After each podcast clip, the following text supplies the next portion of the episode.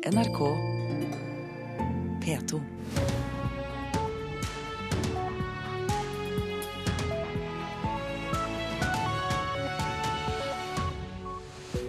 Ja, takk for at du starter morgenen med Nyhetsmorgen. Torsdag 6. november er dette våre overskrifter. Jens Stoltenberg er på sitt første besøk i Afghanistan som Natos generalsekretær. Begge parter i Ukraina beskylder hverandre for å undergrave fredsprosessen. Psykiatriske pasienter blir boende altfor lenge på institusjon etter at de er ferdigbehandlet.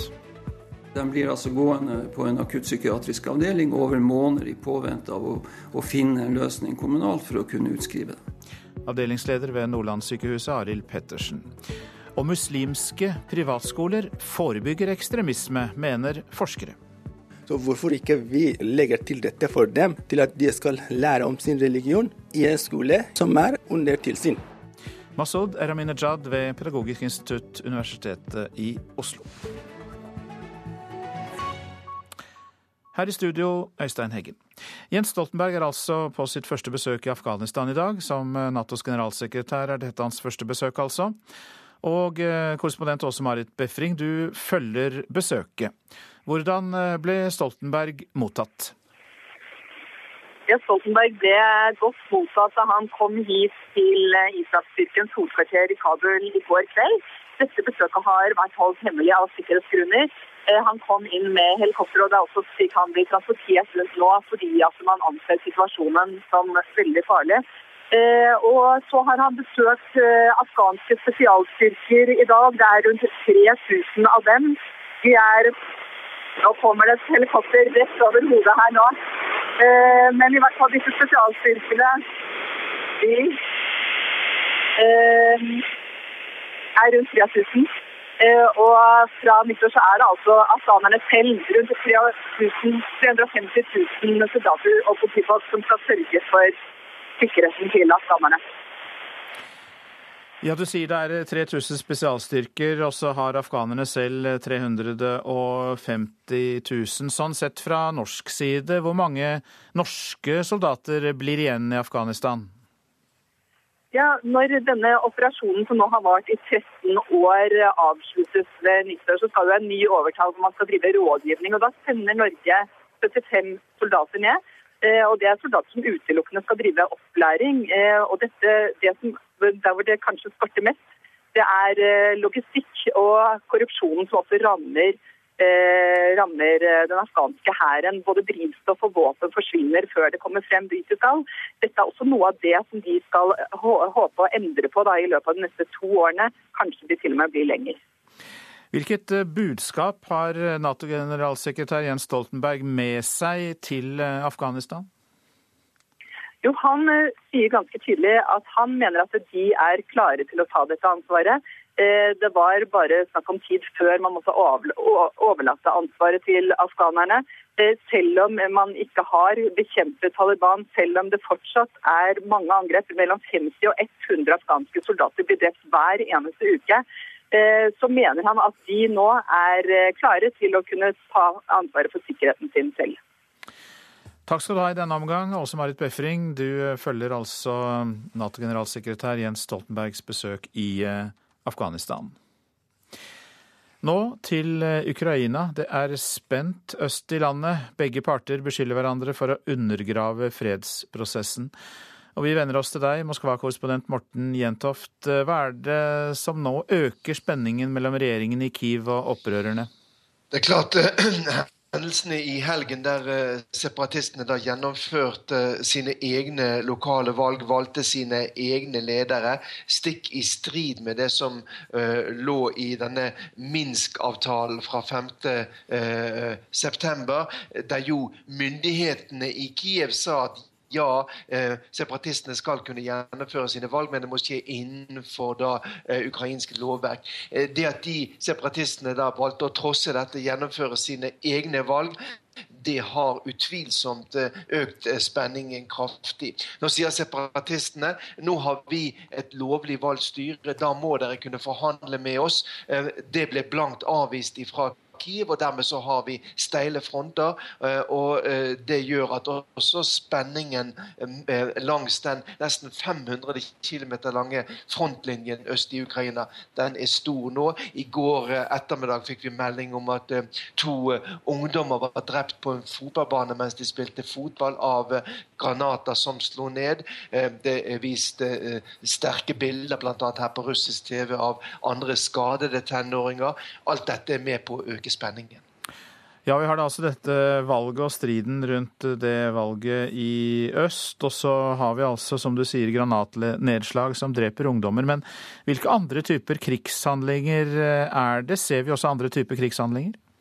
Ja, eh, det er flere steder eh, der frontlinjene er uklare, porøse, der man ikke helt vet hvor eh, kan du si, frontlinjen mellom de ukrainske regjeringsstyrkene og opprørerne går. I går så var det et møte mellom militære fra både ukrainsk og separatistsidene, ledet av Organisasjonen for sikkerhet og samarbeid i Europa, OSSE, som forsøker å finne måter å få til fred på. Det førte ingenting til. Noen steder er eh, ukrainske regjeringsstyrkers eh, eh, veisperringer rett og slett omringet av, av opprøret. I tillegg så har vi da denne flyplassen inne i Donetsk som er holdt av regjeringsstyrkene. Alt dette er steder som, der det pågår skyting, og der fort konflikten kan komme helt ut av kontroll. Begge parter har fått uh, forsterkninger den siste tiden. Sånn at uh, det er en reell fare for at, uh, at konflikten kan utvikle seg ytterligere. Hvordan forholder Russland seg til det som skjer? Russland eh, har jo sagt at de respekterer de bruker det ordet da, folkeavstemningen øst i, eh, i, eh, i Ukraina. Eh, man har gått eh, ikke så langt som på en måte å, å anerkjenne da, eh, separatistene styrer som, som, som, legitimt enda. Men det er klart at på russisk hold, og ikke minst blant uh, vanlige russere, så er det en sterk sympati fremdeles for da separatistene, som man mener bare forsvarer da uh, de russiskspråkliges interesser mot aggresjon fra myndighetene i Kiev. Moskva-korrespondent Morten Jentoft, takk skal du ha.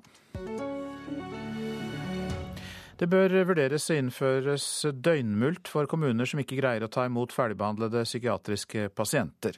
Det mener både stortingspolitikere og overleger i psykiatrien. Ventetiden er svært belastende for disse pasientene, sier avdelingsleder for akuttpsykiatrien i Nordlandssykehuset, Arild Pettersen.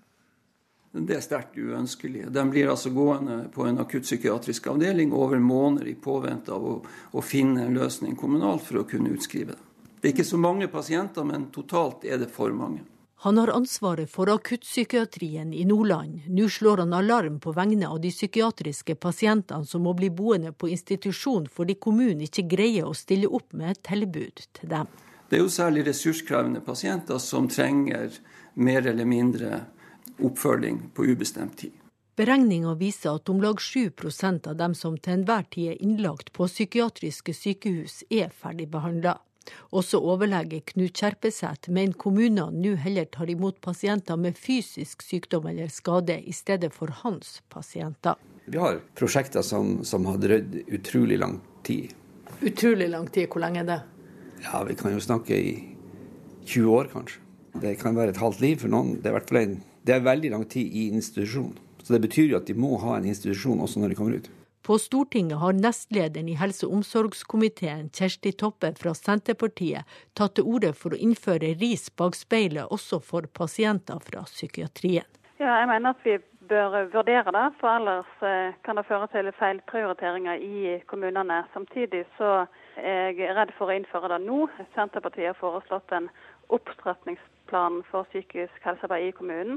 Eh, og når eh, den er gjennomført, så mener jeg vi kan vurdere lignende betalingsordninger som for andre pasienter. Stortingsrepresentant Kjersti Toppe til reporter Barbro Andersen. Det blir flere helsebyråkrater under helse- og omsorgsminister Bent Høie, skriver NTB. I den sentrale helseforvaltningen har det blitt 162 flere årsverk. Til tross for at regjeringspartiene da lovte å redusere byråkratiet, så varsler helseministeren nå en økning også neste år. Arbeiderpartiets helsepolitiske talsmann Torgeir Micaelsen kritiserer både Høyre og Høie for ikke å holde løftene sine. Frp-politikeren Mette Hanekamhaug får være med å behandle statsbudsjettet, samtidig som hun jobber for et PR-byrå. Til tross for dette vil ikke Frp si hvilke kunder Hanekamhaug jobber for. Hanekamhaug er vararepresentant på Stortinget, men jobber også for selskapet Gelbygden Kise. Partiledelsen i Frp sier til Dagsavisen at dette er helt uproblematisk, og at de sjekker kundelisten hennes hver dag. Nestleder i SV, Bård Vegar Solhjell, er kritisk til saken, og mener Frp må offentliggjøre kundelistene til Hanekam Haug hvis hun skal få jobbe med statsbudsjettet. Reporter Haldor Asvald. Det norske Veritas skal granske Nordfjord kjøtt og arbeidsforholdene der. Rema 1000 har leid inn Veritas fordi de ønsker en objektiv gransking. NRK fortalte i forrige måned at Nordfjord kjøtt er meldt til politiet av Arbeidstilsynet. Men direktør for kommunikasjons- og samfunnskontakt Mette Fossum Beyer i Rema 1000 sier butikkjeden trenger sine egne svar på hvordan forholdene er i bedriften. Ja, Det er viktig for oss å få klarlagt hva det er som har skjedd. Mandag denne veka satte inspektører fra det norske Veritas seg på flyet for å starte en gransking av Nordfjord Kjøtt i Loen. Arbeidstilsynet har politimeldt Nordfjord Kjøtt for flere mulige brudd på arbeidsmiljølova etter at en arbeider mista fingeren. Til NRK har fire slovakiske arbeidere fortalt om høyt arbeidstempo og press som de mener går utover tryggleiken. En tilsatt sier han ble pressa til å skrive sin egen oppseiing. Virksomheten går også på heimebesøk for å kontrollere tilsatte med egenmelding. Rema 1000 vil nå ha svar på hvordan tilhøva er i virksomheten. Helse, miljø og sikkerhet, lønns- og arbeidsvilkår og innkvartering, boforhold hos de ansatte. Hvorfor mener dere at dette er viktig å få gjort? Det er viktig når vi ser den type hendelser, og for å se om det er generelle trekk ved virksomheten. Og få klarlagt hva det er som har skjedd, sånn at vi har gode grunnlag for eventuelle tiltak. Og så er det jo viktig å få sett om, om påstandene som har kommet i forbindelse med denne saken, har, har grunnlag. Nordfjord Kjøtt vil ikke la seg intervjue av NRK, men viser til en pressemelding. Der står at enkeltsakene NRK har fortalt om ikke er representative for tilhøva ved virksomheten. De viser også til rapporter fra bedriftshelsetjenesten og Næringslivets sikkerhetsorganisasjon, der virksomheten ikke har fått anmerkninger. Men selv om Nordfjord Kjøtt tilbakeviser kritikken, vil Rema 1000 ha sin egen gjennomgang. Og Nordfjord har også vist oss en rapport, men i den situasjonen som har oppstått, så mener vi det er viktig med også en, en objektiv ekstern vurdering av situasjonen. Reporter her, det var Asgeir Heimdal Reksnes. Så til avisene. Null arveavgift åpner boligdøren for ungdom, er oppslaget i Aftenposten. Nå når arveavgiften er borte, er arv fra oldemor blitt en døråpner til boligmarkedet for 23 år gamle Anne Birgitte Follestad Wold. Sykepleierforbundet går rettens vei for å fjerne ekstralønn som ikke er avtalt med forbundet, skriver Dagens Næringsliv. Akershus universitetssykehus gir de ansatte 40 000 kroner ekstra per år dersom de jobber annenhver helg. Nå vil Sykepleierforbundet at arbeidsretten fjerner ordningen. Her selger Rema 1000 tre år gammelt lammekjøtt, påviser VG. Kjøttet fra New Zealand uten datomerking ble solgt i en Rema-butikk i Oslo. Vi beklager på det sterkeste, og alle produkter er nå fjernet, sies det fra matkjeden. Narkolangere har solgt dop på en skjult del av internett. Adresseavisen avslører det usynlige markedet på det mørke nettet. For å komme inn må man eh, ha en programvare som skjuler digitale spor, og ikke avslører hvor man befinner seg. Seks av ti høyrevelgere sier nei til skattekutt, viser meningsmåling gjengitt i Klassekampen. 58% av høyrevelgerne sier at skattenivået er passe vil ta imot syke syrere, men er ikke spurt. 208 kommuner er kontaktet av Vårt Land, men bare åtte av dem sier at de er blitt spurt om de kan bosette flyktninger fra Irak som er syke. Vi ville sagt ja, er svaret i Saura i Telemark. Matindustrien vokser mest fordi et større utvalg og bedre kvalitet er ønsket av forbrukerne. Det kan Nasjonen fortelle i dag. Verdiskapningen i matindustrien vokser mer enn i andre bransjer, viser rapport.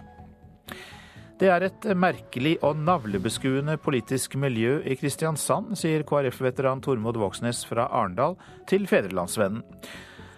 Vågsnes mener at akuttsykehusene både i Arendal og Flekkefjord må bestå, og ikke at all spisskompetanse må ligge i Kristiansand. Rikard Norling er klar for et liv i førstedivisjon, skriver Bergens Tidende. Branns trener sier at han vil ta ansvar hvis laget rykker ned. Men han er også forberedt på å få sparken etter denne sesongen. Vi gir oss ikke helt med fotball, for i kveld spiller Celtic og Ronny Deila bortekamp mot rumenske FC Astra. Og det er altså i Europaligaen. En seier kan langt på vei bidra til å sende det skotske laget videre i turneringen. Men Ronny Deila forventer ingen lett kamp, selv om rumenerne så langt bare har null poeng etter tre kamper. Vi vet at det blir en vanskelig kamp. Det var tøft hjemme, og det blir enda verre borte. Ronny Deila forventer en tøff utfordring i kveld, da de gjester rumenske FC Astra. På hjemmebane dro Celtic i land en knepen 2-1-seier. Vi må fortsette å forbedre oss, som vi har gjort i det siste. Så håper vi på tre poeng. And, uh, Med seier så vil Celtic langt på vei være sikra avansement i Europaligaen. Og en som kan bli viktig for Celtic, er Alexander Tonev, som er utestengt i sju kamper i hjemlig serie etter rasismeanklager. Det er en straff Deila vil anke. Selvsagt kommer vi til å anke. Det er en veldig streng straff, siden det kun er ord mot ord, og vi tror på spilleren vår. And, uh, and, uh, Også Deilas kaptein, skotske Scott Brown, sier at spillerne stiller seg bak bulgarske Tonev. Vi tror på han når han sier at han ikke gjorde det. Vi vet at Alex ikke lyver til oss, så vi har ingen problemer med han. Reporter Henrik Agledal. Klokka er snart 6.47. Vi har disse hovedsakene. Jens Stoltenberg er på sitt første besøk i Afghanistan som Natos generalsekretær. Psykiatriske pasienter blir boende altfor lenge på institusjon etter at de er ferdigbehandlet. Stortingspolitiker vil vurdere døgnmulkt til kommunene. Det Norske Veritas skal granske Nordfjord kjøtt og arbeidsforholdene der. Og eh, millionselgende toppartister vil ikke lenger være på strømmetjenestene Wimp og Spotify. Mer om det snart.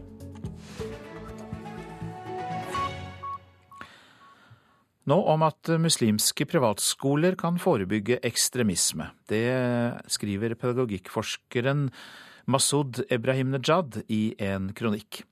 Ibrahim Najad mener at myndighetene ikke har kontroll på hva som læres bort til barn i norske moskeer utenfor skoletiden. En privatskole som følger myndighetenes læreplan, kan derimot forebygge ekstremisme, mener kronikkforfatteren. Når det er en skole som følger oss eh, læreplan, norske læreplan, altså da er det altså hvert fall autoriserte lærere som er der. Så da har vi ikke noe, eller mindre sannsynlighet at de havner i en eh, ekstremismemiljø. Det sier Masud Ebrahim Nejad. Han er medlem av en forskergruppe i samfunnsrettet pedagogikk ved Universitetet i Oslo.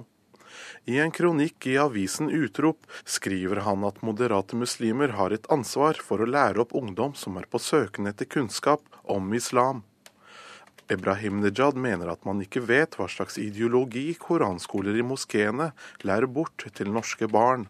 Min konklusjon er at hvis det er et så stort behov blant muslimske innvandrere for å lære om sin religion, og også de er villige til å sende sine barn til de, eh, fritidsklubbene, som det heter koranskoler, så hvorfor ikke vi eh, legger til dette for dem, til at de skal lære om sin religion i, et, i en skole, en offentlig skole, eller i en skole som er under tilsyn.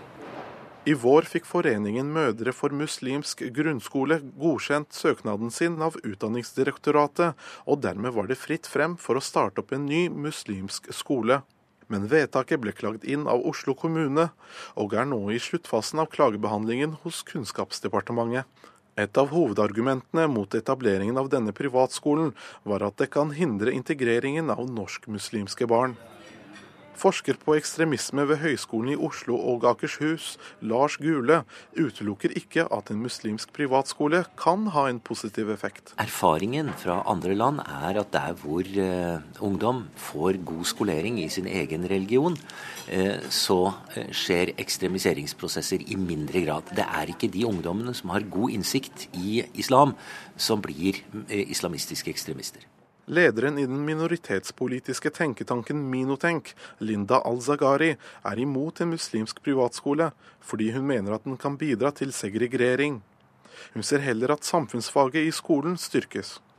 Det viktigste tror jeg i, i kampen mot ekstremisme er å få styrka samfunnsfaget. Eh, altså, vi må bli mye flinkere på kildekritikk, og at, at eh, man f.eks. tar opp konspirasjonsteorier og, og konflikter som skjer rundt i verden, som kanskje mange her i Norge ikke er så veldig opptatt av. Men for folk som, eh, eller unge som har familie, eller som på en måte identifiserer seg med muslimer som blir slakta f.eks. i Burma eller i Irak eller Afghanistan, at det tas opp eh, mer aktivt. Og det kan like gjerne gjøres i fellesskolen, og det bør gjøres i fellesskolen. Ebrahim Nejad er uenig i at en muslimsk privatskole kan forhindre integrering. Jeg synes det formen er ikke viktig. Hvis man går f.eks. på en muslimsk privatskole eller, et, et, en, en, annen institusjon, eller en offentlig skole. Da. Men det er det som trygghet som de barna også føler seg. Og dette vil absolutt ikke bare hindre noe, altså, eller være i veien mot eh, integrering. Når du er, når du er trygg på deg selv, når du har funnet ut også, hva er din bakgrunn, og hva er din religion og hva er din identitet, så det er lettere at du kan bli integrert i det norske samfunnet. Og reporter her, det var Fouad Asharki. En av fire norske arbeidstakere sier at de kan tenke seg å jobbe til de blir 70 år eller enda eldre. Det viser den årlige spørreundersøkelsen til Senter for seniorpolitikk. Og det er den høyeste andelen som ønsker dette i de årene undersøkelsen er gjennomført. Mer om dette i Nyhetsmorgen etter klokka sju. Millionselgende artister som Taylor Swift, Coldplay og Beyoncé vil ikke lenger ha musikken sin på strømmetjenester som Wimp og Spotify. Håpet er at publikum heller skal betale for å laste dem ned eller kjøpe CD-er. Og Det viser hvor grisk platebransjen er, sier VGs musikkanmelder. Først så la Taylor Swift ikke ut det nyeste albumet sitt på Spotify, og så fjerna hun nylig all musikken sin fra strømmingstjenesten. Andre artister som har hellet tilbake de nyeste albumet, er eksempelvis Coldplay og Beyoncé. En som er sterkt kritisk til dette, er musikkjournalist i VG, Thomas Talseth. Det er dårlig behandling av eh, kunder som betaler for et produkt, og de må kunne forvente at eh, de nye, store, mest attraktive platene også dukker opp i disse tjenestene. Ikke minst med tanke på hvor ivrig bransjen har vært på å få folk inn i streamingloopen.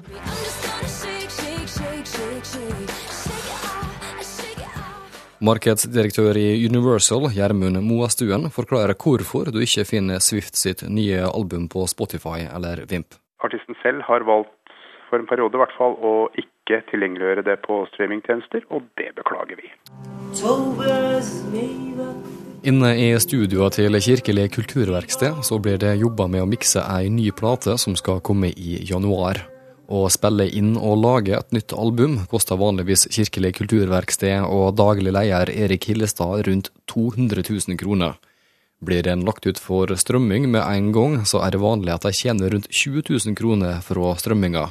Det koster altså ti ganger mer å lage denne musikken enn det de tjener på å strømme den.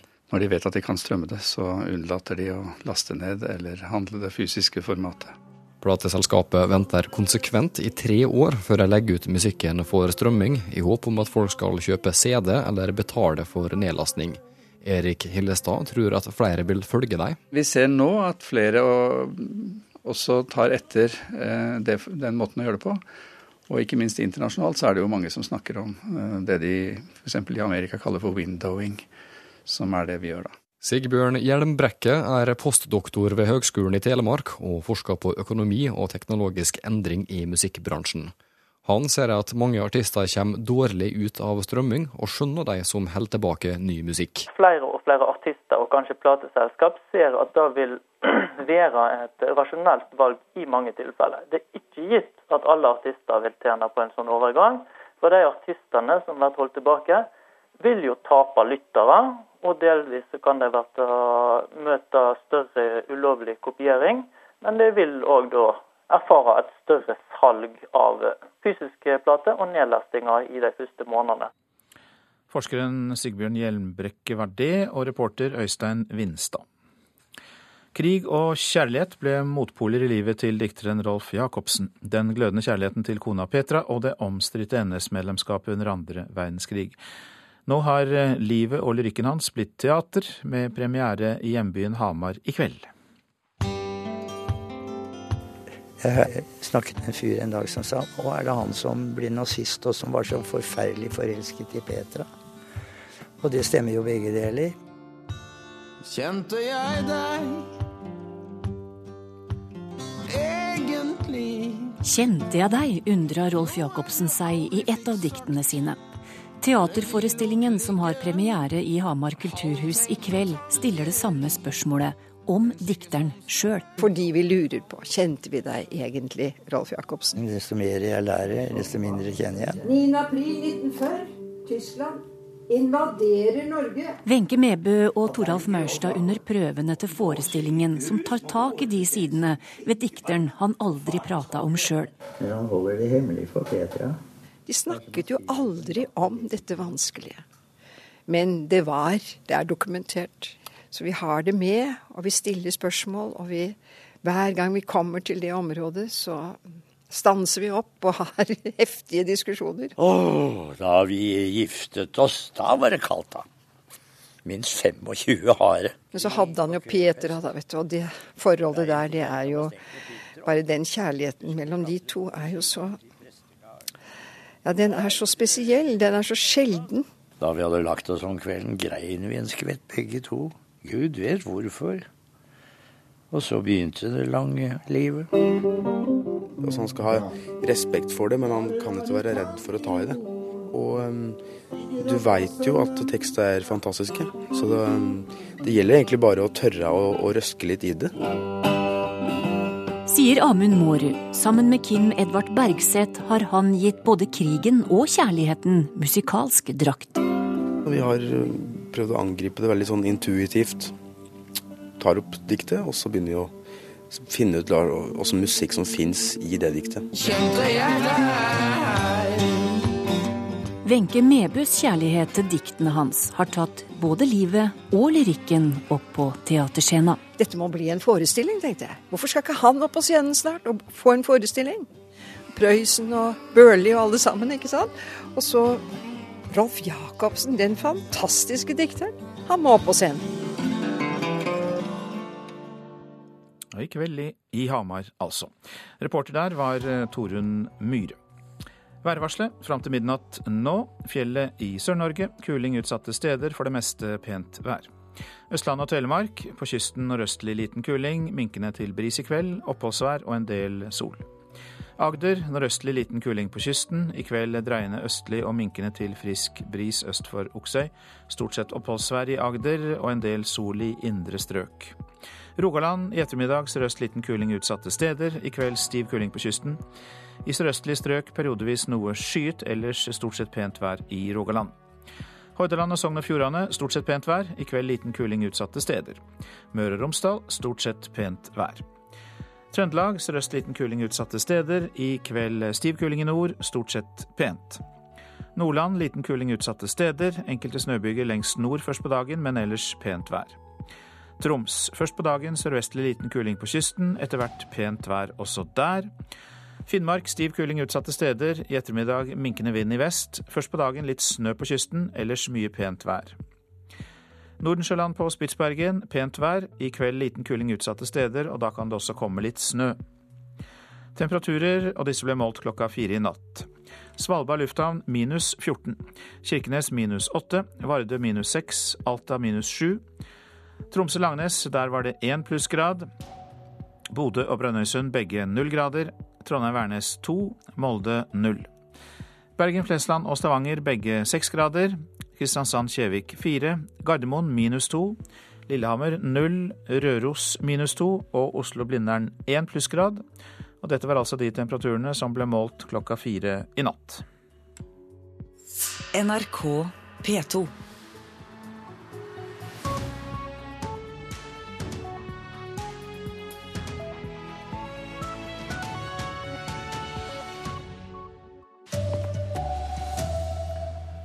Mødre står bak mye av volden som utøves mot små barn. Og begge parter i Ukraina beskylder hverandre for å undergrave fredsprosessen. Her er NRK Dagsnytt klokka sju. Mødre står bak en betydelig del av volden som utøves mot barn. Det kommer fram i en ny rapport fra Nasjonalt kunnskapssenter om vold og traumatisk stress. Forsker Anja Emilie Kruse har snakket med mødre som har utøvd vold mot barna sine, og sier volden skjer i ulike situasjoner. De opplever et sterkt sinne i disse situasjonene, eh, og en sterk eh, Noen opplever også sterk aggresjon rettet mot, eh, mot barna. Da. De forteller også om at de bruker vold i situasjoner som de selv opplever som veldig vanskelige, hvor de er i en vanskelig livssituasjon hvor det er eh, mye stress i livet deres. Kanskje de har vært gjennom et samlivsbrudd eller andre um, livskriser. Erna Solbergs ektemann vil ikke offentliggjøre aksjeinvesteringer, selv om han burde. Det mener korrupsjonsekspert ved Universitetet i Bergen, Tina Søreide. Søreide mener det er viktig at folkevalgte ikke lar seg påvirke av egen personlig økonomi når de skal fatte politiske beslutninger. I en rapport fra Europarådet får Stortinget kritikk for at slike opplysninger ikke registreres eller kontrolleres. Øst i Ukraina er det stadig skyting mellom ukrainske myndigheter og opprørere. Begge parter beskylder hverandre for å undergrave fredsprosessen. Etter at det ble holdt valg i de opprørskontrollerte områdene i helgen, har situasjonen blitt enda mer ustabil, og grensen mellom de opprørskontrollerte områdene og de regjeringskontrollerte er flytende. Det rapporterer Moskva-korrespondent Morten Jentoft. Noen steder er eh, ukrainske regjeringsstyrkers eh, eh, veisperringer rett og slett omringet av, av opprørere. I tillegg så har vi da denne flyplassen inne i Donetsk som er holdt av regjeringsstyrkene. Alt dette er steder som, der det pågår skyting, og der fort konflikten kan komme helt ut av kontroll. Begge parter har fått uh, forsterkninger den siste tiden. Sånn at uh, det er en reell fare for at, uh, at konflikten kan utvikle seg ytterligere. En 29-årig kvinne er pågrepet i Skien mistenkt for å ha knivstukket en 32 år gammel mann i magen. Mannen, som klarte å rømme fra leiligheten der han ble knivstukket, er brakt til sykehus, og ifølge politiet er han ikke livstruende skadd. Det er blitt flere helsebyråkrater under helse- og omsorgsminister Bent Høie. Til tross for at regjeringspartiene lovet å redusere byråkratiet, varsler helseministeren nå en økning også neste år. NRK Dagsnytt, Sjan Erik Bjørnskau. Nyhetsmorgen fortsetter med disse sakene. Jens Stoltenberg er på sitt første besøk som Nato-generalsekretær i Afghanistan. Vi skal høre mer om at statsministerens ektemann ikke vil offentliggjøre aksjeinvesteringer, noe korrupsjonsekspert mener han bør gjøre. Aldri før har så mange sagt at de vil jobbe til de er 70 år, eller til de er enda eldre. Og Vi går også videre på den saken du hørte i Dagsnytt nettopp, at mødre står bak en betydelig del av den volden barn utsettes for. For det viser nemlig en ny rapport fra Nasjonalt kunnskapssenter for vold og traumatisk stress. Solveig Ude har jobbet som helsesøster i 32 år og møtt mange mødre som blir sinte på barna sine. Jeg hadde en eh, mamma, dette er et tema jeg i hvert fall har når barnet er ti måneder. Og så sier hun ja, han lugger meg. Og da sier jeg hva gjør du da? Jeg lugger igjen. Solveig Ude møter foreldre som er på helsekontroll med barna sine, og hun spør dem hvordan det går. Hva de gjør når de blir sint. Ja, Så kan jeg si da får du lyst til å slå henne? Og da er det mange som sier ja. Og så sier jeg neste spørsmål slår du? Og da er det noen som sier ja.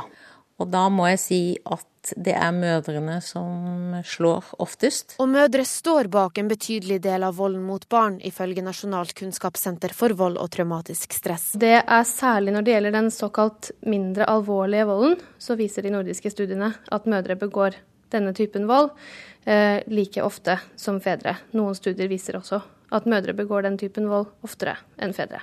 Sier forsker Anja Emilie Kruse. Hun har samla forskning om vold mot barn begått av foreldre, og snakka med mødre som har utøvd vold mot barna sine. Det dreier seg om slag med flat hånd, lugging, klyping, dytting. Og volden skjer i ulike situasjoner. Eh, det første er at eh, de opplever et sterkt sinne i disse situasjonene, eh, og en sterk Noen opplever også sterk aggresjon rettet mot, mot barna. Da. De forteller også eh, om at de bruker vold i situasjoner som de selv opplever som veldig vanskelige, hvor de er i en vanskelig livssituasjon hvor det er eh, mye stress i livet deres. Kanskje de har vært gjennom et samlivsbrudd eller andre eh, livskriser. Jeg spør jo ofte da eh, hva kjenner du inni deg når du gjør det. Og jeg må si med hånden på hjertet så sier alle at jeg kjenner at det er vondt. Jeg angrer. Men jeg blir så sint. Solveig Ude i Alna bydel i Oslo prøver å få mødrene til å lære andre metoder for å oppdra barn. For mens hun ser at fedre oftere står bak vold mot eldre barn, er det mødrene som slår de små. Jeg eh, tenker at mødrene er mest hjemme med barna. Hvis eh, mor forteller, og dette kommer opp at mor slår, så sier jeg hva gjør pappa? Nei, han sier at jeg ikke skal gjøre det. Ja, hvordan høres det ut for deg? Ja, men han er jo på jobb, han vet jo ikke hvor sliten jeg er, og at jeg nå også skal passe på et eldre søsken eller et yngre søsken. De har veldig mange gode forklaringer på at det skjer, men de er utrolig takknemlige, nesten uten unntak på at noen har spurt, og at noen gjør de bevisste på at dette ikke er måten å oppdra barn på. Reporter Irina Kjelle. Og Ragna Lundgaard, god morgen. God morgen. Du er leder i Oslo-avdelingen til organisasjonen Alternativ til vold, som altså er et kompetanse- og behandlingssenter for vold i nære relasjoner. Og eh, vet vi nok om hvor utbredt eh, denne volden mødre utøver er? Vi vet vel ikke nok om det, men, eh, men, de erfaringene vi har fra Alternativ til vold, bekrefter jo det denne modige helsesøsteren og forskeren fra NKVT sier, da. Hvorfor er det modig å si det? Jo, fordi at eh, det er eh, vanskelig å snakke om vold. Det er vanskelig å spørre om vold. Men vår erfaring er at det er helt nødvendig å spørre om vold. Og som Barneombudet sier, at det er mye farligere å ikke spørre om vold enn å spørre om vold. Nå er jo vold mot barn forbudt, og det har jo vært en bevisstgjøring rundt dette med vold mot barn i det siste. Det har vært mye om det i nyhetene i mange år. Men så skjer det likevel. Hvorfor det? Det er jo et sammensatt eh, svar på det spørsmålet.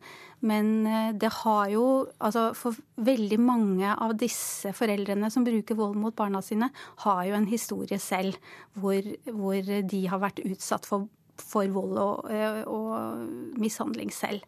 Eh, og de kom, kjenner at de kommer til kort når de skal stå i vanskelige situasjoner med, med, barna sine. Det er jo ikke sånn at vi vanlige mennesker heller ikke kjenner igjen at vi kan bli veldig sinte når barn eh, er umulige.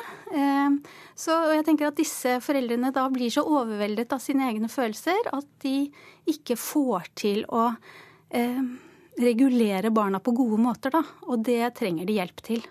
Og Hva kan en mor gjøre da, når hun føler at hun ikke klarer å styre sinne eller irritasjon? Ja, Da har hun en jobb å gjøre. Da trenger hun i veldig mange sammenhenger hjelp, tenker jeg.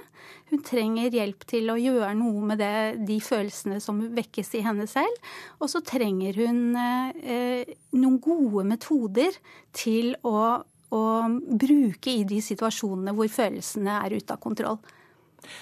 Er det mødre da som er kommet til dere og sagt at de har behov for hjelp etter at de har vært voldelige mot egne barn? Ja, det, det har vi. Altså 30% av de, de, som henvender seg til selv til Alternativ til vold i Oslo, det er kvinner.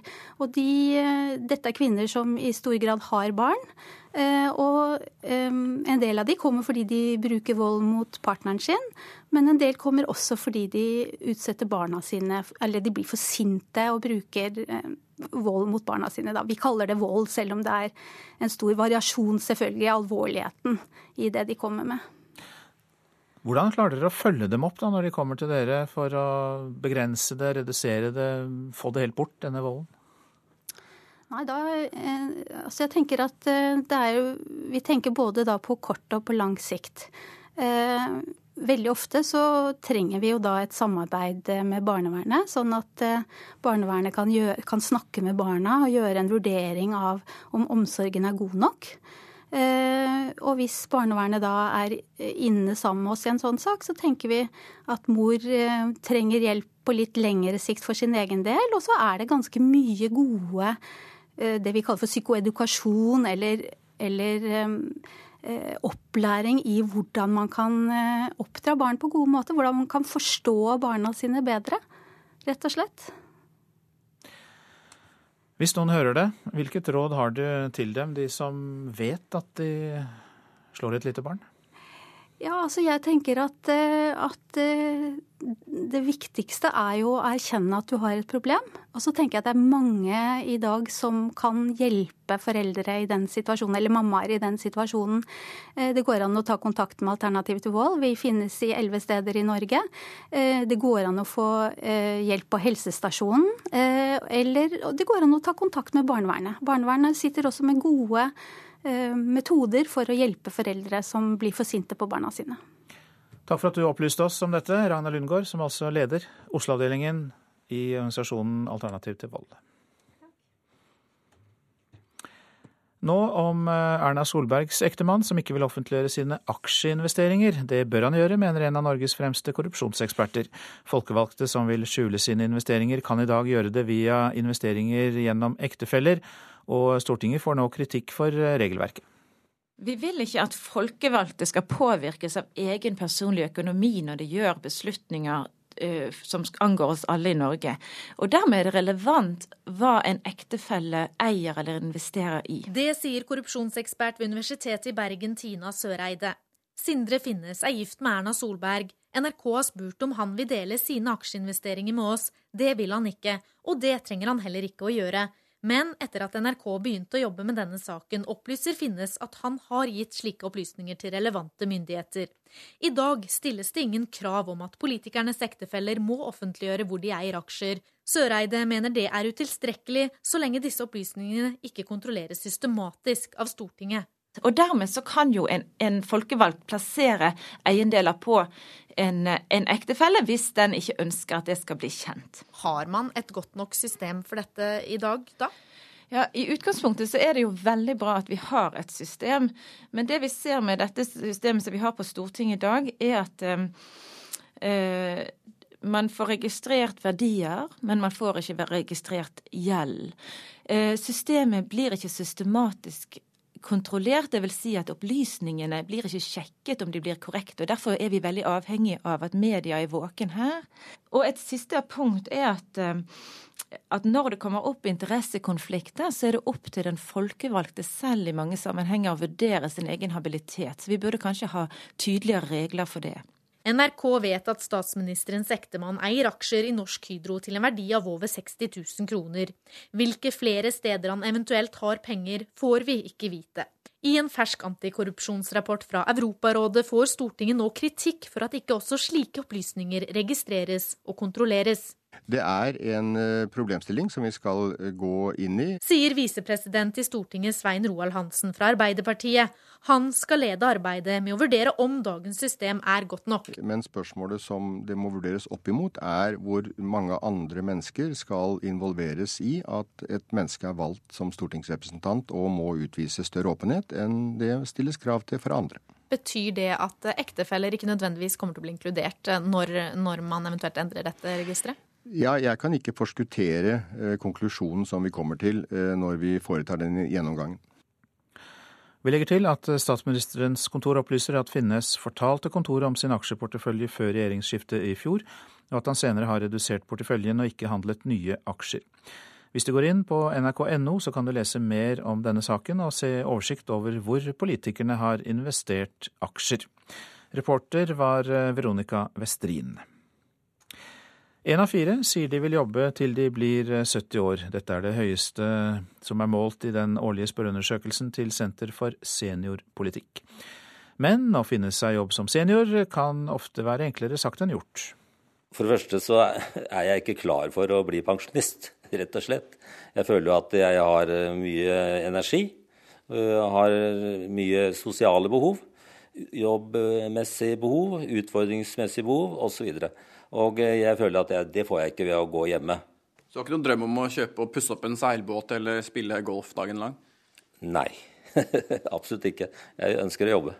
Det er to måneder siden 64 år gamle Stein Polmar fikk ny jobb som seniorrådgiver i et konsulentselskap.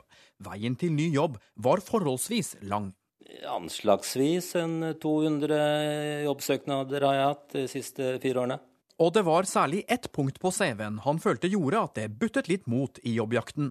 Jeg har nok en sterk følelse av at eh, min alder har vært avgjørende i mange jobbsøknadsprosesser når man får en tilbakemelding om at uh, du hadde vel ikke den riktige profilen denne gangen, Polmar, uh, så kan man jo legge en del i det.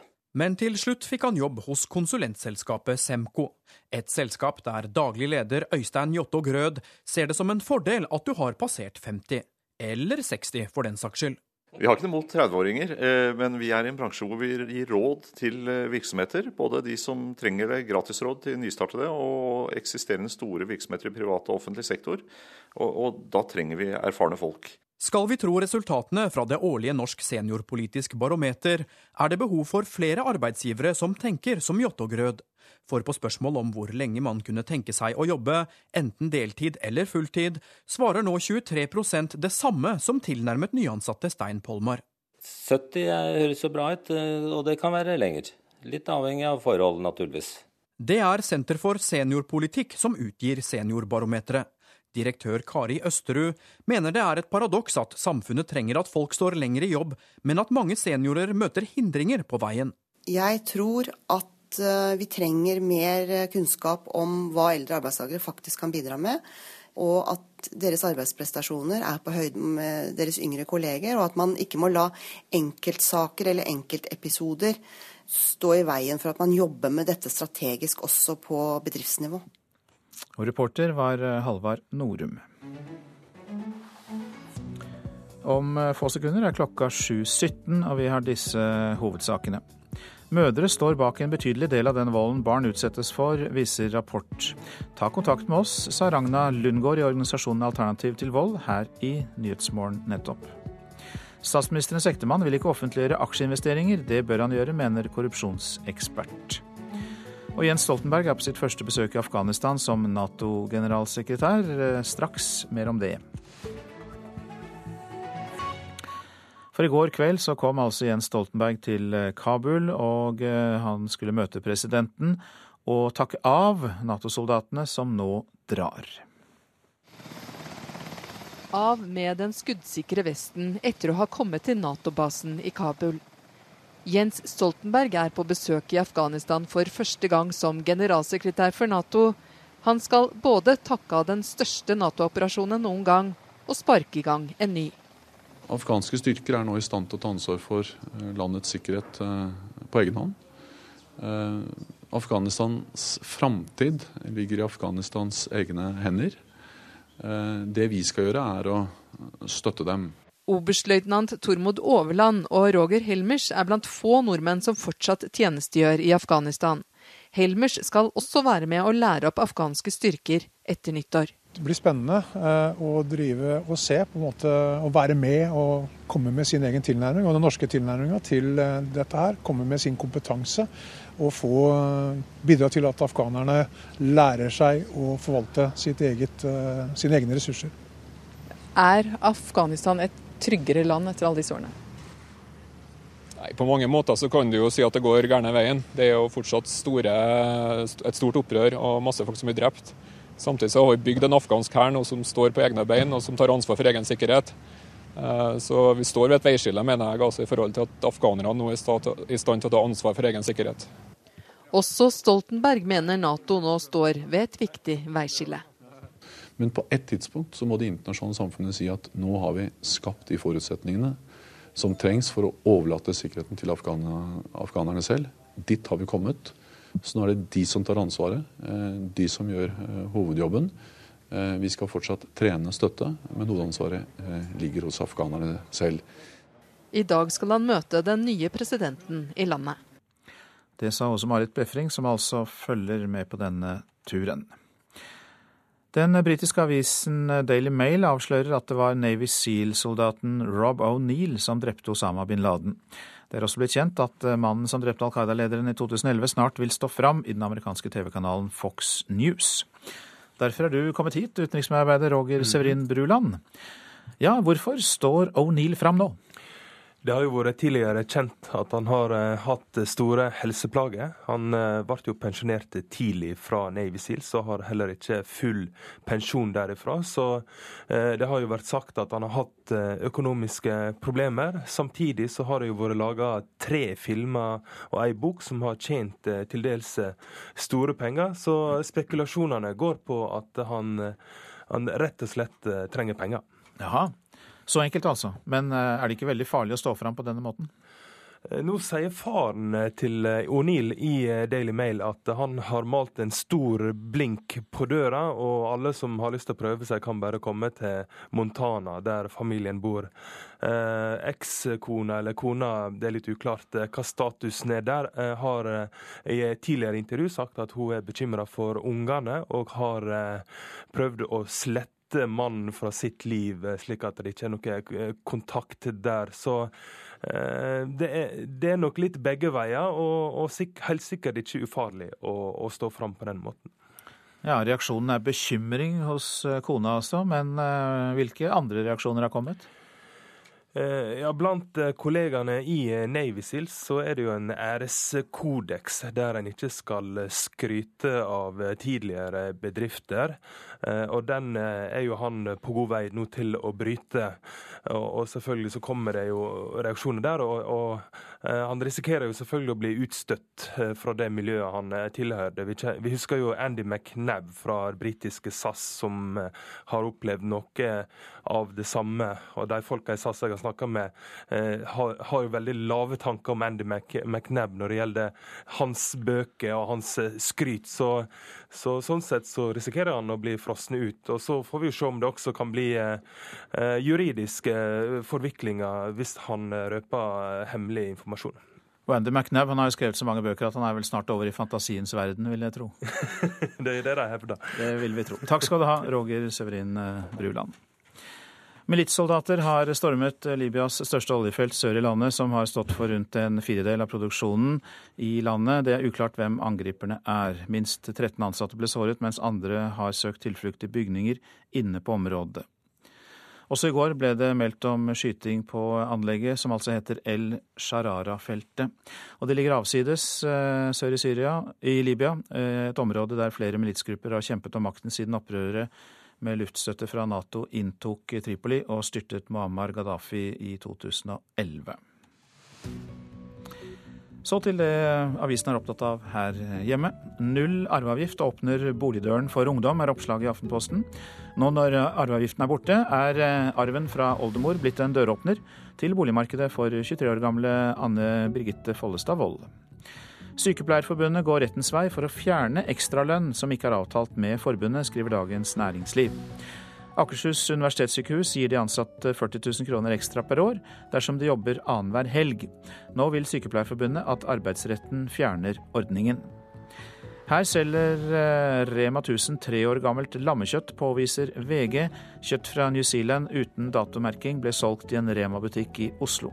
Vi beklager på det sterkeste, og alle produktene er nå fjernet, sies det fra matkjeden.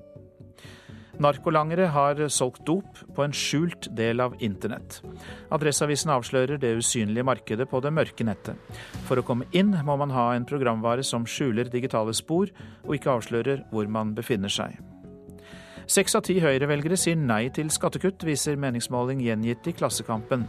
58 av Høyre-velgerne sier at skattenivået er passe vil ta imot syke syrere, men er ikke spurt. 208 kommuner er kontaktet av Vårt Land, men bare åtte av dem sier de er blitt spurt om de kan bosette flyktninger fra Syria som altså er syke.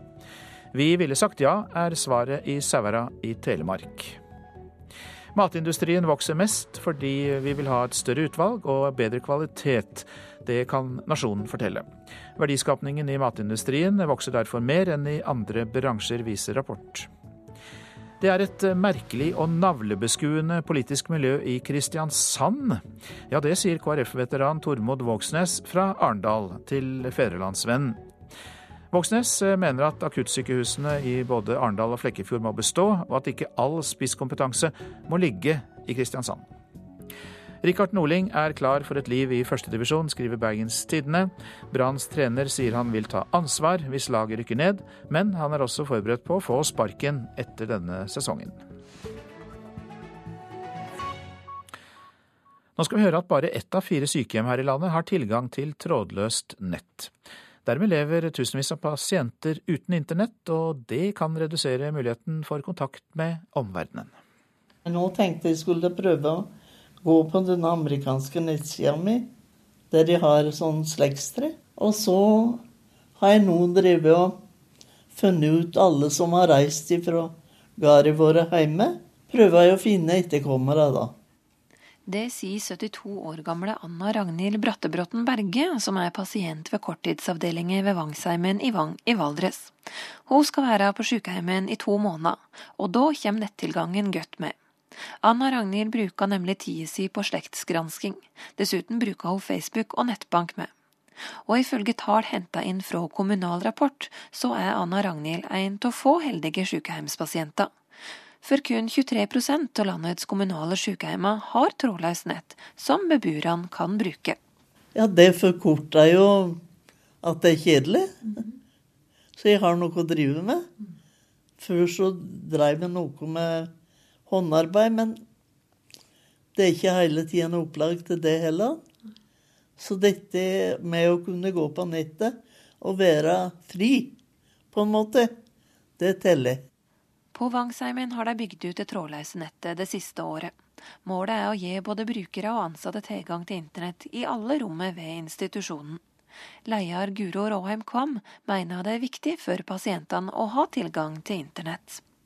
Det er jo i dag vanlig rundt omkring å ha tilgang til trådløst nett, og han merka jo sjøl hvor eh, si, funksjonshemma han blir hvis han ikke har tilgang til det. Og jeg tenker at de som da er inne her for kortere eller lengre tid, og som er vant til å bruke det, de har jo det samme behovet som alle andre. Så derfor så har vi sett at det har vært en fornuftig investering å gjøre.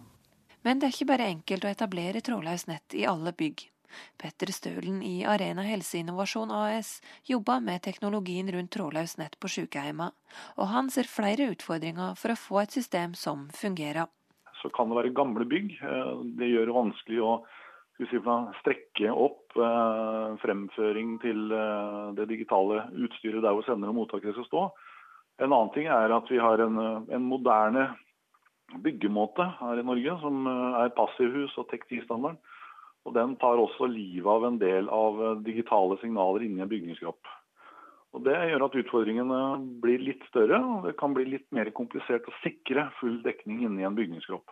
Men, men for all del, altså dette her er eh, ikke umulig på noen måte. Det er bare en kunnskap som må, må spres ut. Ved Vangsheimen installerte de det trådløse nettet først og fremst for at de ansatte skal kunne bruke det overalt der det er behov. Og det har kommet pasientene til gode. Og at behovet for nettilgang blant pasientene er økende, er Råheim Kvam sikker på. For jeg tror eh, den generasjonen som nå trenger våre tjenester, er vant til å bruke både PC og nettbrett i forhold til avis og i forhold til nettbank og i, i forhold til e-post og kontakt med omverdenen. Så det er jeg sikker på at kommer til å bli større og større behov. Og det får hun støtte på fra Stølen den måten vi lever på nå, så forutsetter det egentlig at eh, vi har en nettilgang snart der, overalt der vi er. Men for beboere så tror jeg at den generasjonen som i hvert fall kommer nå, de vil kreve det. For Anna Ragnhild blir ventetida på sykehjemmet litt kortere når hun kan ta del i verden utenom huset, mens hun venter på å bli frisk. Ja, det er jo veldig takksomt for. At alle sammen kan eh, få lov til å bruke moderne hjelpemiddel og det som er vant til å ha hjemme. Så det er veldig positivt, da. Ja, Denne nettsurferen var altså 72 år gamle Anna Ragnhild Bratebråten Berge, som er pasient ved korttidsavdelingen ved Vangsheimen i Vang i Valdres. Reporter var Sigrid Håvik Berge. Vi eh, slår fast at prosent for Nyhetsmorgen, det er Ingvild Ryssdal. Her i studio, Øystein Heggen. Vi har møtt de som er aller nederst i den rumenske hovedstaden Bucuresti. De sprøytenarkomane. Lytt til reportasjen etter Dagsnytt. Brutalt arbeidsliv er tema for den ene debatten i Politisk kvarter kvart på åtte, men det blir også diskusjon om genmodifisert mais. For det hersker full forvirring om slik mais kan eh, selges i Norge eller ikke. Og vi eh, er straks klare med Dagsnytt og Jean-Rik Bjørnskaug.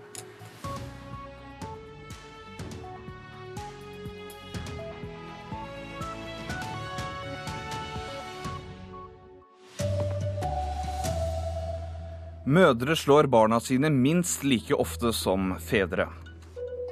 Statsministerens ektemann bør offentliggjøre hvilke aksjer han har, mener korrupsjonsekspert. Og rekordmange sier de ønsker å jobbe til de blir 70 år. Her er NRK Dagsnytt klokken 7.30. Mødre står bak en betydelig del av volden som barn utsettes for. Det viser en ny rapport fra Nasjonalt kunnskapssenter for vold og traumatisk stress.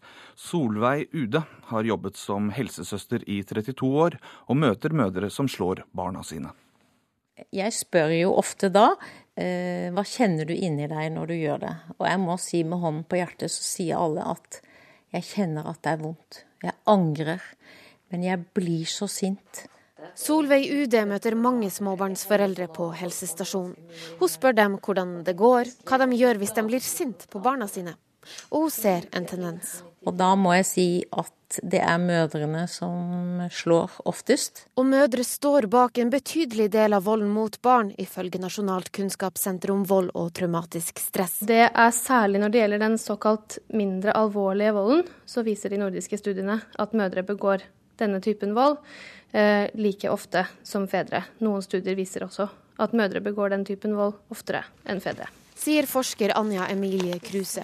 Hun har samla forskning om vold mot barn begått av foreldre, og snakka med mødre som har utøvd vold mot barna sine. Som oftest så viser det til eh, slag med åpen hånd eller flat hånd i ansiktet eller på kroppen. Eh, klyping, dytting, lugging.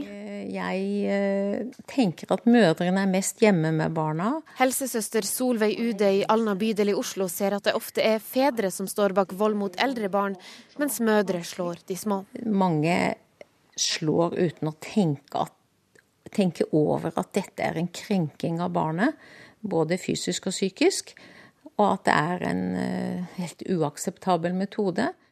Reporter Irina Kjelle. Og Ragna Lundgaard, leder i Oslo-avdelingen til organisasjonen Alternativ til vold. Hvor ofte ber kvinner dere om hjelp til å slutte å slå? Eh, I Oslo så er ca. 30% av de kvinnene, eller de som tar kontakt eh, frivillig med oss, det er kvinner. Eh, og de tar kontakt både fordi de utøver vold mot partneren sin, men noen også fordi de utøver vold mot barna sine. Ja, Hvordan hjelper dere mødre som slår? Ehm, jeg tenker at det er viktig å gjøre sånn som denne helsesøsteren sier i dette opptaket. At eh, vi må spørre veldig, veldig konkret om den type vold som eh, mammaen eh, utøver. Og så må vi gjøre en vurdering om dette er så alvorlig at, barnevernet egentlig bør gå inn og se om omsorgen er god nok. Eh, men det vi gjør, er jo å hjelpe den mammaen til å eh, bli bedre kjent med sinnet sitt, merkelig nok. Men, men at, hun, at, hun, blir kjent med sine egne følelser og klarer å regulere de bedre, slik at hun ikke blir så sint på barnet sitt. Takk skal du ha. Erna Solbergs ektemann vil ikke offentliggjøre aksjeinvesteringer. Det bør han gjøre, mener en av Norges fremste korrupsjonseksperter. Folkevalgte som vil skjule investeringene sine, kan i dag gjøre det gjennom sine ektefeller, og nå får Stortinget kritikk. Vi vil ikke at folkevalgte skal påvirkes av egen personlig økonomi når de gjør beslutninger som angår oss alle i Norge. Og dermed er det relevant hva en ektefelle eier eller investerer i. Det sier korrupsjonsekspert ved Universitetet i Bergen, Tina Søreide. Sindre Finnes er gift med Erna Solberg. NRK har spurt om han vil dele sine aksjeinvesteringer med oss. Det vil han ikke, og det trenger han heller ikke å gjøre. Men etter at NRK begynte å jobbe med denne saken, opplyser Finnes at han har gitt slike opplysninger til relevante myndigheter. I dag stilles det ingen krav om at politikernes ektefeller må offentliggjøre hvor de eier aksjer. Søreide mener det er utilstrekkelig så lenge disse opplysningene ikke kontrolleres systematisk av Stortinget. Og dermed så kan jo en, en folkevalgt plassere eiendeler på en, en ektefelle hvis den ikke ønsker at det skal bli kjent. NRK vet at statsministerens ektemann eier aksjer i Norsk Hydro til en verdi av over 60 000 kroner.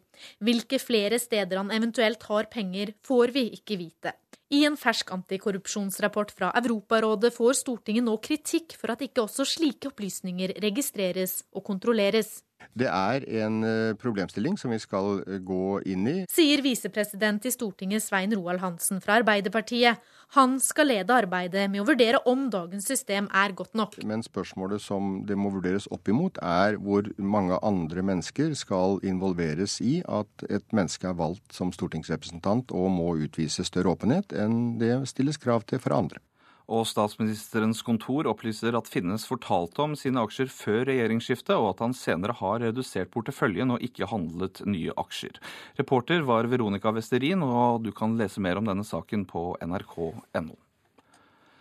Jens Stoltenberg er i dag på sitt første besøk i Afghanistan som Natos generalsekretær. I går kveld kom han til Kabul for å møte presidenten, og for å takke av soldatene som nå drar. Av med den skuddsikre vesten etter å ha kommet til Nato-basen i Kabul. Jens Stoltenberg er på besøk i Afghanistan for første gang som generalsekretær for Nato. Han skal både takke av den største Nato-operasjonen noen gang, og sparke i gang en ny. Afghanske styrker er nå i stand til å ta ansvar for eh, landets sikkerhet eh, på egen hånd. Afghanistans framtid ligger i Afghanistans egne hender. Det vi skal gjøre, er å støtte dem. Oberstløytnant Tormod Overland er blant få nordmenn som fortsatt tjenestegjør i Afghanistan. Det er jo fortsatt et stort opprør og masse folk som er drept. Samtidig så har vi bygd en afghansk hær som står på egne bein og som tar ansvar for egen sikkerhet. Så vi står ved et veiskille, mener jeg, altså i forhold til at afghanerne nå er i stand til å ta ansvar for egen sikkerhet. Også Stoltenberg mener Nato nå står ved et viktig veiskille. Men på et tidspunkt så må det internasjonale samfunnet si at nå har vi skapt de forutsetningene som trengs for å overlate sikkerheten til afghanerne selv. Dit har vi kommet. Så nå er det de som tar ansvaret, de som gjør uh, hovedjobben. Vi skal fortsatt trene støtte, men hovedansvaret ligger hos afghanerne selv. Reporter var Åse Marit Befring. Rekordmange sier nå at de vil jobbe til de blir 70 år eller eldre. Det viser den årlige spørreundersøkelsen til Senter for seniorpolitikk. Én av fire sier de kunne tenke seg å utsette pensjonisttilværelsen til de blir 70. Men jobbmarkedet for seniorer er ikke alltid like enkelt. Anslagsvis en 200 jobbsøknader har jeg hatt de siste fire årene.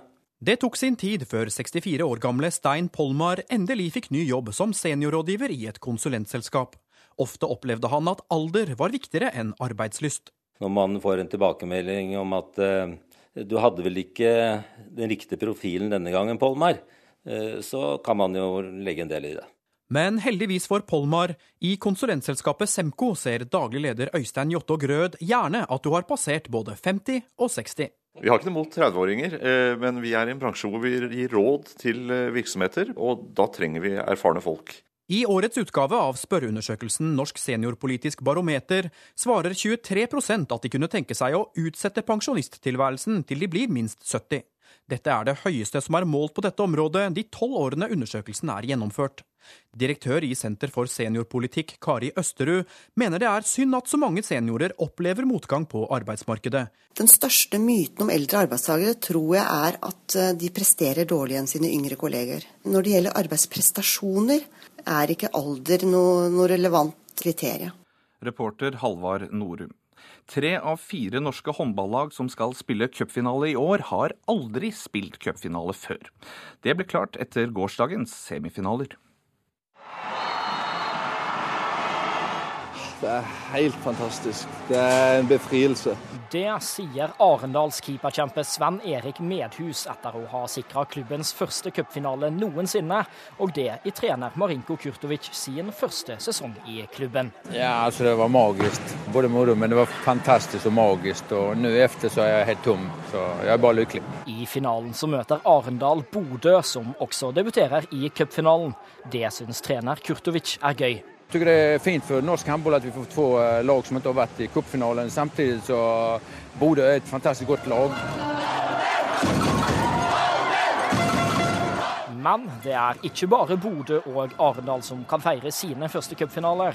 På kvinnesiden så er også Halden klare for sin første cupfinale noensinne, og det mot stormakten Larvik.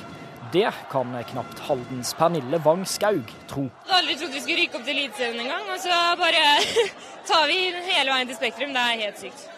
Reporter Henrik Agledal. Ansvarlig for sendingen var Ulf Tannes Fjell. Teknisk ansvarlig Hanne Lunås. I studio Sjan Erik Bjørnskau.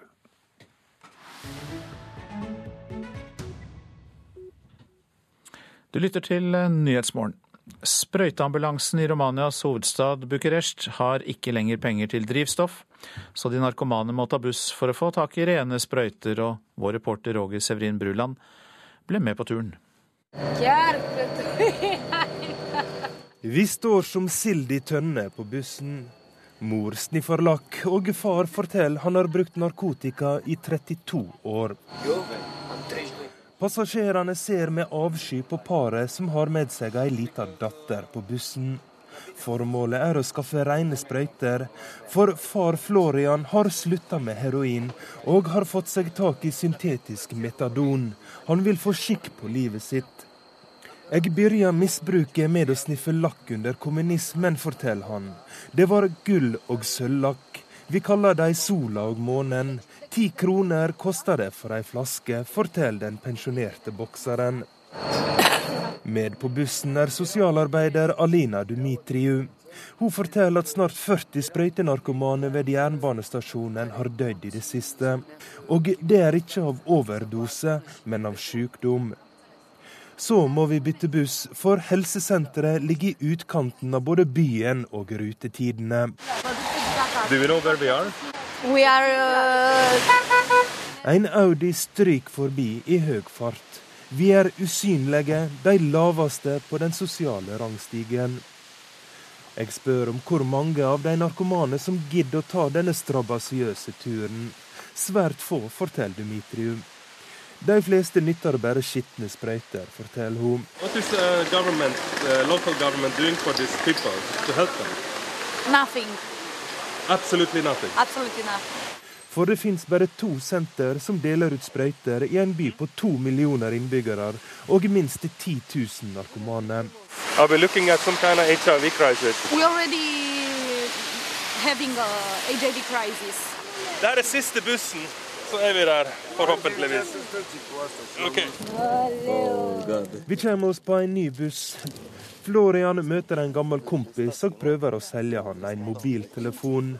Mor sniffer lakk. Vi er snart framme. Da en ny endestasjon, så får vi se om vi har kommet riktig nå. I busskuret har mor og far begynt å bli lettere hysteriske. De er slitne og i ferd med å gi opp hele sprøytejakta. Så oppdager de at de mangler posen med brukte sprøyter. Posen de skulle levere inn til senteret. De har glemt den på bussen. Dmitriju prøver å ringe busselskapet, men til ingen nytte. 330 sau 311. Are we taking more buses? Uh, no, just one. Etter fire bussbytter har vi kommet fram til senteret som deler ut sprøyter. Det er drifta av ARAS, den rumenske organisasjonen mot spredninga av hiv. Det er noen bukonteinere stabla oppå hverandre, rett ved en støyende hovedvegg. Organisasjonen fikk tomta av kommunen, resten må de ordne sjøl. Ved senteret får Florian flere bokser med rene sprøyter. Han får også informasjon om hvordan han kan unngå smitte.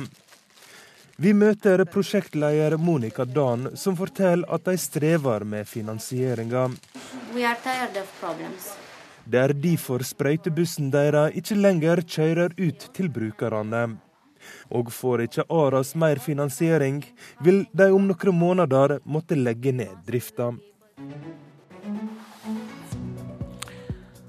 Dette er eh, hovedsakene i eh, Nyhetsmorgen. Mødre står bak en betydelig del av den volden barn utsettes for, viser rapport. Statsministerens ektemann vil ikke offentliggjøre aksjeinvesteringer. Det bør han gjøre, mener korrupsjonsekspert. Rekordmange sier at de vil jobbe til de blir 70 år eller eldre. Det viser en spørreundersøkelse fra Senter for seniorpolitikk. Og Jens Stoltenberg er på sitt første besøk i Afghanistan som Natos generalsekretær. Nå venter vi på Politisk kvarter. Det begynner om få sekunder. Programleder er Cecilie Roang Bostad.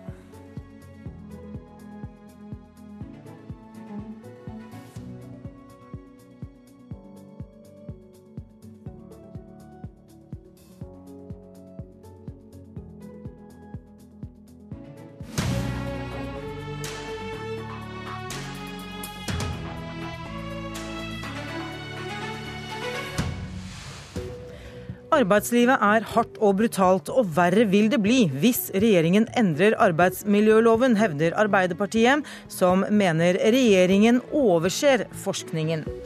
Og full forvirring om det er lov å selge genmodifisert mais i Norge. Senterpartiet frykter for matsikkerheten, og mener regjeringen må gå inn for et forbud.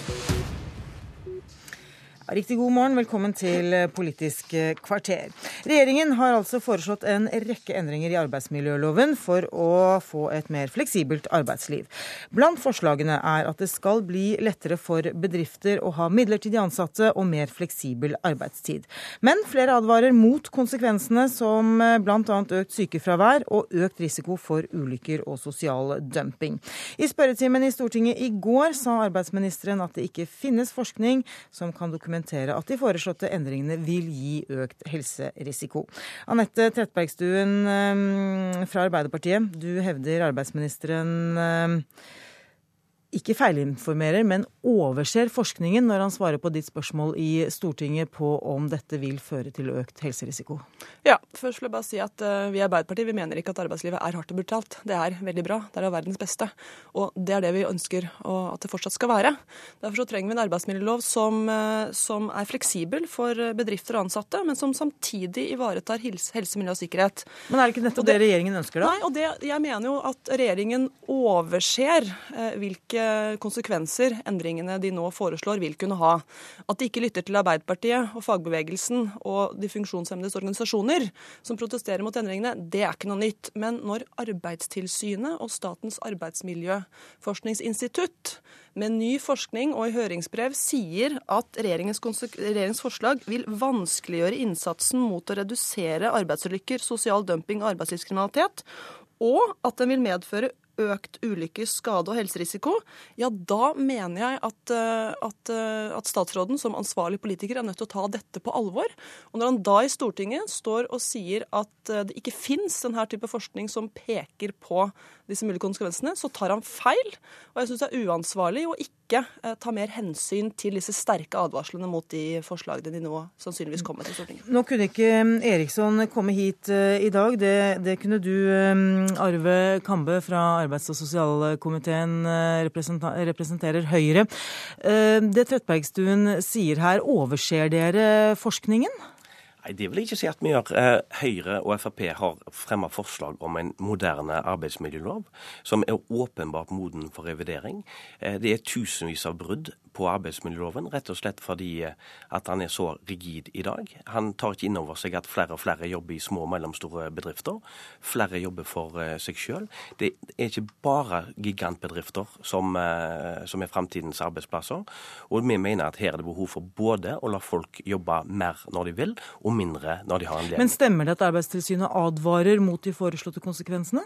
Ja, Arbeidstilsynet har vært skeptisk til mange av forslagene som er kommet. Så det stemmer det Trettebergstuen sier? Ja, men samtidig så vil jo jeg si at når vi ser på de forskningen de hevder, så mener vi at Arbeidstilsynet går for langt. Det er nesten en politisk uttalelse som kommer fra dem. Jeg, jeg si. Så dere er ikke er enig med det eget? Nei, jeg syns jo når, I forrige uke så hadde vi et interessant oppslag fra Anne Kari Bratten i Spekter, som skriver at du er lite imponert over høringsuttalelsen, for den er, den er tendensiøs og preget av ukritisk bruk av kunnskapsmateriale. Eh, og det som, det som en bl.a. ser, er jo at man har brukt mye forskning fra Sør-Korea, Japan og USA, som for så vidt, eh, uansett hvilke briller du har på deg, ikke kan sammenligne seg med norsk arbeidsliv.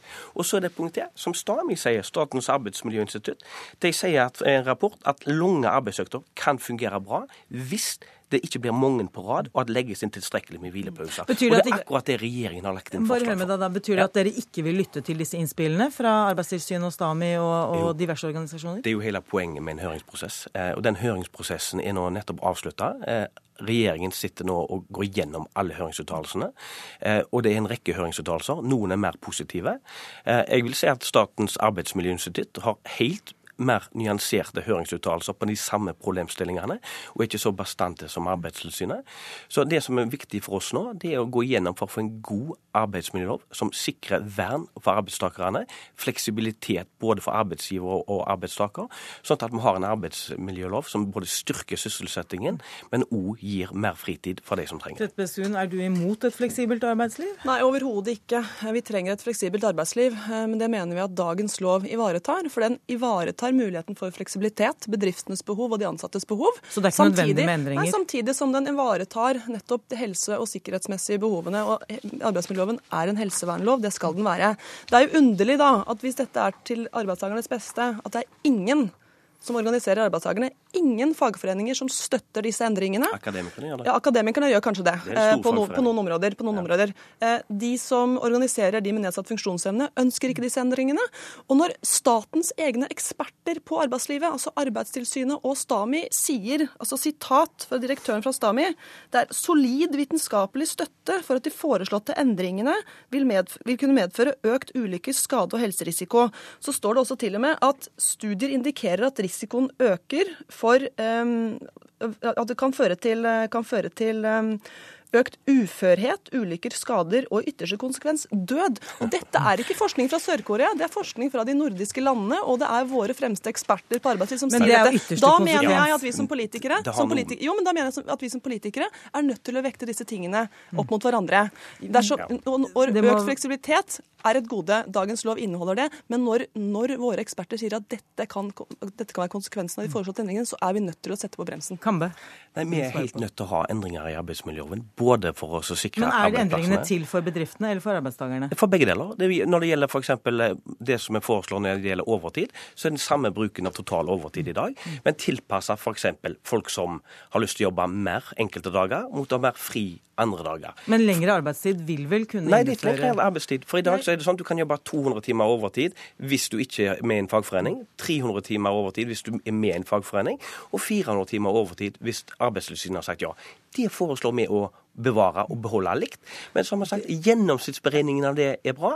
Eh, det er en bedre måte å gjøre det på. Og så har vi en rekke andre forslag. Men det som er felles, det er at det er Høyre og Frp som har forslagene til et moderne arbeidsliv. Arbeiderpartiet har de siste årene ikke hatt et eneste forslag for å modernisere arbeidsmiljøloven, og det er en stor politisk belastning for dem. Det er nok dessverre nødt til å bli siste ord i denne debatten. Vi skal skifte tema.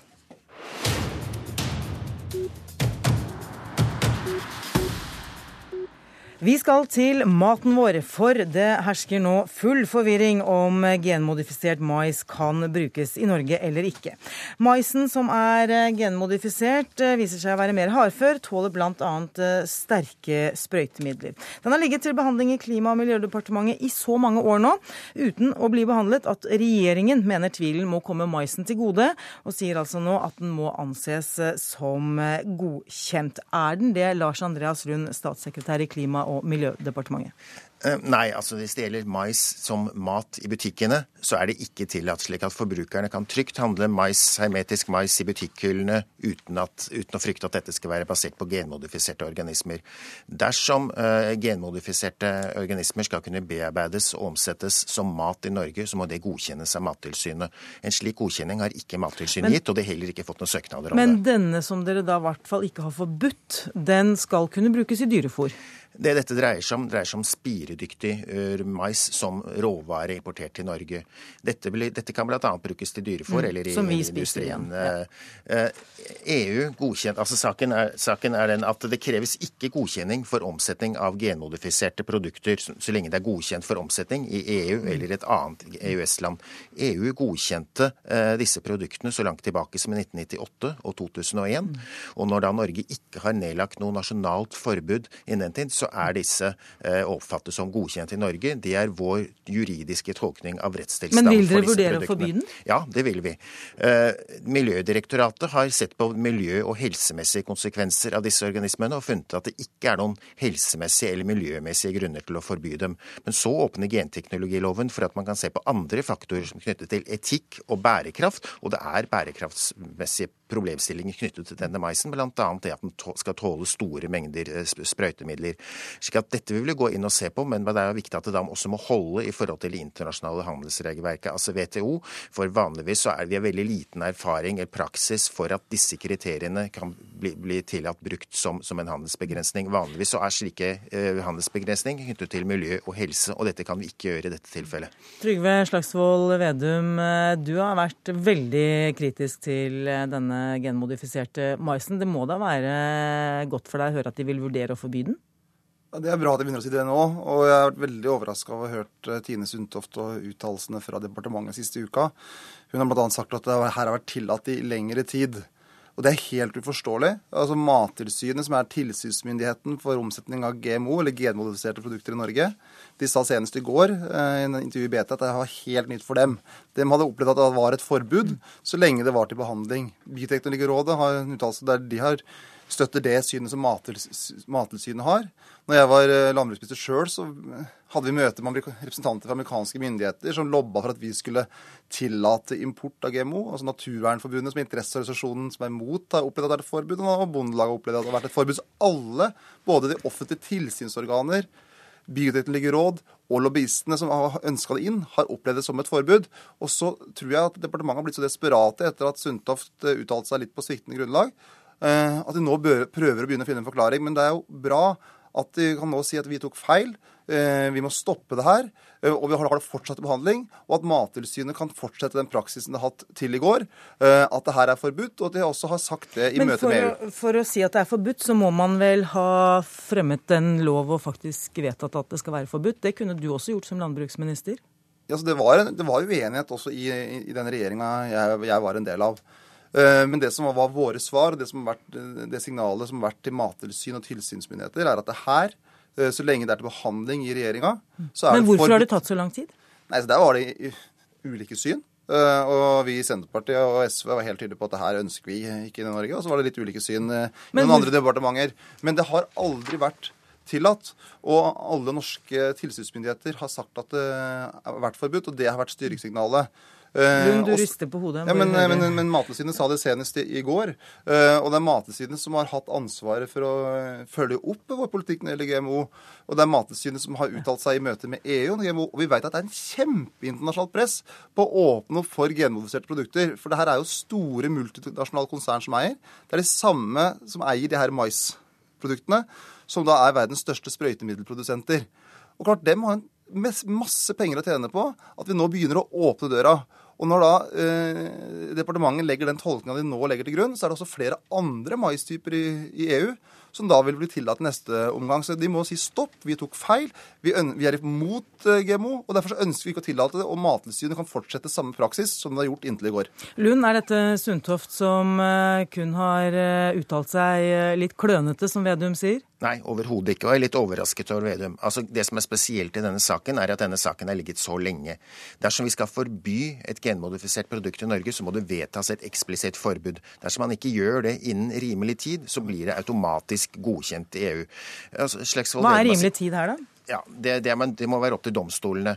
Det, det, det Sundtoft har sagt, er at vi kan ikke med loven i hånd nå forby import av disse produktene. Det vil vi antageligvis tape på i en domstol. Så har altså Slagsvold Vedum sittet i åtte år i regjering uten å klare å vedta et forbud. Det har latt denne saken skli, men det er også helt klart, kan, man kan, selv om man har en rimelig tid til å vurdere et forbud, så kan man ikke la denne saken skli uendelig.